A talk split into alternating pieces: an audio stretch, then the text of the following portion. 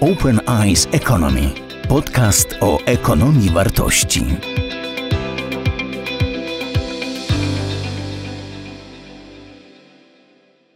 To, co opisujesz jako wymiar funkcjonowania rynkowego kapitalizmu, prowadzi bardzo silną dźwignią do tego, by y, gospodarka współczesna była główną gospodar głównie gospodarką nastawioną na konsumpcję. Znaczy to, co napędza tę gospodarkę, to jest nieustanna konsumpcja, rosnąca konsumpcja.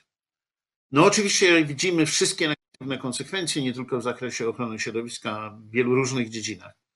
Pytanie brzmi, czy to, co teraz doświadczamy, czy ta pandemia, w której uczestniczymy, a bardzo wiele różnych myśli jest wypowiadanych dzisiaj w przestrzeni wspólnej, w przestrzeni publicznej, doprowadzi do tego, że zrewidujemy nasze nastawienie, że przestaniemy myśleć o sobie jako głównie o konsumencie, a zaczniemy odnajdywać inne elementy y, naszego, naszych ról społecznych, naszego człowieczeństwa. Czy jesteś pod tym względem optymistką czy pesymistką? E, ja jestem optymistką. E, myślę, że ta przymusowa wstrzemięźliwość i fakt, że już od miesiąca nie mogę sobie kupić nowych spodni ani niczego nowego, e, pozwala bardzo wielu ludziom uświadomić sobie, że być może e, wcale tego nie potrzebują. Ale ja też uważam, że to się nie stanie samo. Innymi słowy, dopóki mamy ten unikatowy moment, że ludzie są w domach i mają czas na myślenie, to trzeba zacząć z nimi o tym rozmawiać, czyli trzeba te refleksje uruchomić, ponieważ najbardziej boję się tego, że jak e, ten czas krytyczny, kryzysowy się skończy, to odetchniemy z ulgą i jeżeli nie wypracujemy czegoś do tego momentu, to ruszymy z powrotem do sklepów, może jeszcze bardziej wygłodzeni. Są już takie ruchy jak Zero Waste, jak minimaliści i tak dalej, e, które próbują pokazać, że można żyć inaczej. E, teraz doświadczamy tego życia inaczej. Pytanie, czy będziemy potrafili to momentum utrzymać? Dziękuję bardzo. Teraz przejdziemy do drugiej części mojej prezentacji. Jeszcze potem się E, zwrócę do Ani. Nie żegnamy jeszcze pani profesor. Proszę teraz o pokazanie mojej prezentacji. E, proszę Państwa, to co powiedziałem w poprzedniej części, chcę teraz uzupełnić o to, co się dzieje w związku z czwartą rewolucją przemysłową. Tu prezentuję Państwu e, slajdy, które opracował pan profesor Wojciech Paprocki i pokazuje, jakie w tej chwili doświadczamy przemiany w gospodarce rynkowej. Wyjściowo ten model opisywany jest po lewej stronie tego slajdu. Mieliśmy do czynienia z sytuacją wielu producentów i wielu konsumentów i swobodnym komunikowaniem się, kontaktowaniem konsumentów i producentów. Na tym polegała również i wolność wyboru, na tym polegała też konkurencja rynkowa. No ale pojawiają się platformy wirtualne, e, te platformy, no, które znamy, typu Facebook, typu Amazon, typu Google, a więc ludzie, którzy budują struktury mające pośredniczyć pomiędzy konsumentami i producentami i przejmują kontrolę nad częścią relacji i częścią obrotu gospodarczego. Natomiast wtedy, gdy pojawiają się wielkie platformy, a właśnie je wymieniłem, często mówi się GAFA, czyli Google, e, Amazon, Facebook i Apple, kiedy wszyscy budują de facto struktury dystrybucyjne i nie koncentrują się już na samym produkcji, a koncentrują się na pośrednictwie, Oczywiście, że mamy do czynienia z sytuacją, kiedy poprzez marketing konsumenci są coraz mocniej uzależniani, a jednocześnie uzależnienie konsumentów prowadzi do uzależnienia producentów. Tracą oni autonomię, przestają być przedsiębiorcami, stają się po prostu właścicielami fabryk. I ten inny slajd i, i animacja z nią związana, które pokazują, że w tym polu dotychczasowej gry rynkowej pojawiają się te nowe organizmy, które nie są monopolami, tak jak poprzednio. One są monopsonami, czyli są monopolami dystrybucyjnymi. I te monopole e, dystrybucyjne zaczynają w istocie rzeczy narzucać nowe warunki gry rynkowej, e, tym bardziej eliminując e, swobodę gospodarczą, przedsiębiorczość, wszystkie te cechy gospodarki rynkowej związane z koncepcją Józefa Schumpetera, które tak ekonomiści zajmujący się rozwojem cenią. Ten rysunek jest wzięty z Handelsblatt, najbardziej popularnego mm, pisma ekonomicznego w Niemczech, który pokazuje, do czego ten proces dominowania, połączenia czwartej rewolucji przemysłowej z wielkimi platformami usługowymi może, e, może prowadzić. Tutaj akurat mamy chińską flagę, którą ten Android, który już jest e, powstał, staje się silniejszy, ma, ale równie dobrze można by powiedzieć, że mogą nami zawładnąć niekoniecznie platformy chińskie, one są zresztą słabsze od amerykańskich, ale głównie jest to dominacja e, tych platform, tych platform amerykańskich. Jakie wnioski wynikają e, z tego, co w tej chwili powiedziałem? Że platformy cyfrowe usilnie starają się zamknąć swych dostawców i odbiorców czasoprzestrzeni czasu bieżącego, tym, co określam jako tu i teraz, pozbawić ich zdolności poruszania się w innej przestrzeni, swobody wyboru, swobody wyboru partnerów, swobody wyboru rynku, swobody wyboru programu produkcyjnego, swobody po prostu kreowania i działania samodzielnego, są oni po prostu zmuszeni w uczestniczeniu w sieciach, które kontrolują te platformy. Powoduje to nowy rodzaj monopolizacji gospodarki, mianowicie właśnie monopsonizację, ponieważ są to e, monopole dystrybucyjne. To słowo monopson już dawno przestało być przywoływane w podręcznikach ekonomii, a chcę podkreślić, że monopol dystrybucyjny jest zawsze groźniejszy niż monopol wytwórczy, dlatego że skuteczniej można walczyć z monopolem wytwórczym i widać, że na ogół jest tak, że stosunkowo szybko, jeśli ktoś ma innowację produktową czy produkcyjną, inni potrafią znaleźć sposób, żeby za nim podążać, mimo ochrony własności intelektualnej. Zmierzam do konkluzji e, e, e, wykładu. I chcę powiedzieć tak, we współczesnej gospodarce dominuje gra oportunistyczna. Orientowanie się na wykorzystywanie rynkowych okazji w miejsce działania długofalowego. To powoduje, że horyzont działań gospodarczych coraz bardziej się skraca.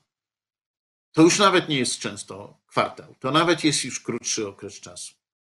A wzorcową formułą współczesnej organizacji rynkowej jest maksymalnie posunięta e, elastyczność, aby móc skorzystać z każdej nadarzającej się okazji i przede wszystkim dokonywać masową, na masową skalę transakcji. Te transakcje mogą przynosić niewielką marżę zysku, ale przez to, że są masowe, że są zautomatyzowane, że nie dotyczą pojedynczego klienta, a dotyczą e, całej masy klientów, oczywiście mogą przynosić kolosalne zyski. Mamy w związku z tym umasowienie produkcji i umasowienie konsumpcji a o wymiarze marketingowym tego procesu mówiła pani profesor Giza. I marketing dlatego ma takie znaczenie w tej chwili, urósł do tak wielkiego obszaru działalności rynkowej, gospodarczej, że jest on najbardziej rozpowszechnioną formą masowej komunikacji.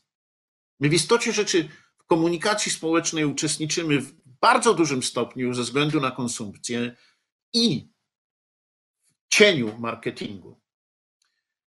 To prowadzi jednak do tego, że z jednej strony jesteśmy oczywiście jakąś zbiorowością konsumentów, także zbiorowością fanów jakiejś marki, ale w istocie rzeczy zanika wspólnotowość jako możliwość wspólnego działania na rzecz indywidualizacji i uzależnienia konsumentów, klientów. Mówiąc inaczej, marketing prowadzi do masowego indywidualizowania, indywidualizowania społeczeństw, tym samym osłabiania ich zdolności do samoorganizacji, do niezależności, do podmiotowości, a to oznacza, że są społeczeństwa coraz bardziej uzależnione od presji e, tych największych organizacji gospodarczych. Naiwnością grzeszy przekonanie, że gospodarka cyfrowa i nowe media zapewnią automatycznie konsumentom autonomię i niezależność. Oczywiście mogą temu służyć. I to jest narzędzie, które może temu służyć. Ale to nie jest tak, że dokona się to w sposób automatyczny, no, czego świadectwem jest bardzo mocna krytyka działania Google'a czy Facebooka. Jeśli chcemy, żeby narzędzia technologiczne, w tym media społecznościowe, służyły właśnie upodmiotawianiu, to przede wszystkim musimy myśleć o konsumpcji, która jest podbudowana refleksyjnością i która jest znacznie bardziej dojrzała i świadoma. Pole grawitacyjne firm oportunistycznych, a używam tego określenia pole grawitacyjne, bo siła oddziaływania tej gry jest tak mocna i ciężko się z niej wyłamać. To, co Ania Giza mówiła, że możesz nie mieć marketingu, ale w tym momencie tracisz udział w rynku i to bardzo szybko. W związku z tym w tej chwili marketing jest już nie po to, żeby zwiększać e, swoją produkcję i sprzedaż, lecz po to, żeby utrzymać swoją pozycję. Raczej służy minimalizowaniu strat niż maksymalizowaniu korzyści. Ale wszyscy w to grają, dlatego że kto nie gra, ten przegrywa i prowadzi go do upadku. Natomiast nie znajdują drogi ucieczki od tej gry, wyjścia poza to pole grawitacyjne w kierunku samodzielności i podmiotowości o tym, jakie to pole może być, będę mówił w dwóch kolejnych wykładach. Na końcu e, chcę przywołać cytat, myśl Roberta Heilbronnera, lewicującego e, ekonomisty, e, który tak podsumowuje to, o czym dzisiaj mówiliśmy. Żadna inna cywilizacja nie dopuściła do tego, by rachunek ekonomiczny egoizmu tak dalece zdominował cały styl życia. Żadna inna cywilizacja nie pozwoliła, by tego rodzaju motywacja, najciaśniejsza, najbardziej ograniczona ze wszystkich możliwych, została wyniesiona do rangi bez mała kategorycznego imperatywu. A teraz bym prosił panią profesor e, Gizę, Aniu, proszę o twój końcowy komentarz, zanim będę zamykał wykład. E, znakomity jest ten cytat, którym zakończyłeś, i ja bym tutaj e, powiedziała, że chyba istotą e, tego jest coś, co Max Weber bardzo pięknie nazwał opromienieniem etycznym. Mianowicie powiedziałabym tak, no ludzie zawsze mieli pokusy, prawda, żeby sobie odpuścić, żeby Yy, no, no innymi słowy, żeby zachowywać się egoistycznie. Natomiast istniała cała masa zabezpieczeń, które powodowały, że znaczy myśmy wiedzieli, że tak nie wolno postępować. Tak? Natomiast to, co, co się stało, to etyczne opromienienie i takie przyzwolenie. To jest dobre, prawda? Bardzo fajnie. Możesz konsumować, nikomu nie szkodzisz. Dopóki, do, dopóki komuś nie zabierasz, to wszystko jest w porządku. Więc y, rzeczywiście uważam, że istotą tego jest taka legitymizacja i wyniesienie konsumpcji do rangi no niemalże takiego obowiązku związanego ze wzrostem produktu krajowego brutto.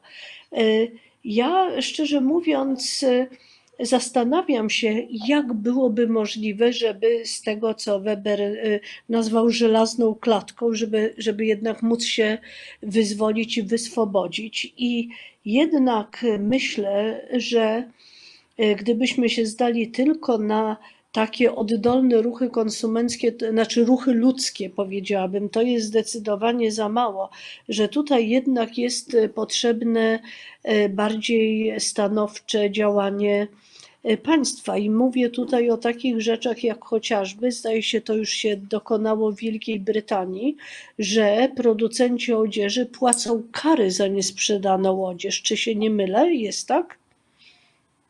Nie potrafię tego potwierdzić.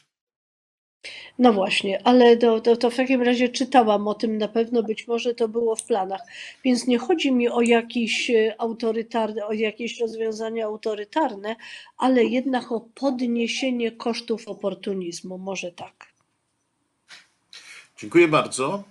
Teraz poproszę o moją prezentację. Proszę Państwa, dzisiaj y, rozmawialiśmy w czasie tego wykładu o rynkowym oportunizmie, o modelu przedsiębiorstwa, y, który jest oparty na wartości dla akcjonariuszy. Tu przykład Enronu, przykład y, Gold- Goldman Sachsa. Mówiliśmy o tym, że współczesna gospodarka rynkowa jest bardzo transakcyjnie i krótkookresowo zorientowana. Bardzo szeroko profesor Anna Giza przedstawiała ewolucję marketingu, a ja do tego pokazałem e, znaczenie, jakim dodatkowym czynnikiem i, i, jakie wiążą się z tym zagrożenia jest wprowadzenie e, i rozwój gospodarki cyfrowej. E, Chcę podkreślić, że w kolejnych wykładach będę starał się pokazywać, jak z tego wyjść. Przy czym ta droga wyjścia przeze mnie jest zarysowana trochę inaczej niż y, y, wspomniała o tym y, pani profesor Giza. Aczkolwiek zaczyna się z tego samego punktu, że chodzi o to, aby było to etyczne opromieniowanie, co dla mnie oznacza, że podstawą działalności gospodarczej nie może być tylko orientacja. Ja nie mówię, że nie ma być takiej orientacji. Nie może być tylko orientacja na efektywność, na zyski, na opłacalność. To oczywiście jest ważny wymiar działalności gospodarczej, ale musi być jakieś odniesienie akcjonormatywne. Tak jak w przypadku Goldman Sachsa za czasów prezesury e, Weinberga. E, I teraz pytanie, skąd mogłaby się wziąć ta podbudowa akcjonormatywna? E, W związku z tym kolejne wykłady będą pokazywały, od czego to zależy.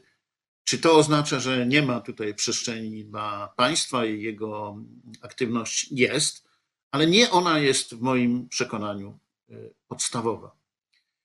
E, Na pewno natomiast zgadzam się, że nie wystarczą ruchy konsumenckie, że nie wystarczy samoorganizacja konsumentów i ich opór wobec nadużywania przewagi przez dystrybutorów. To zdecydowanie za mało, aczkolwiek oczywiście takie ruchy trzeba doceniać. Proszę Państwa, dziękuję za uwagę dzisiaj.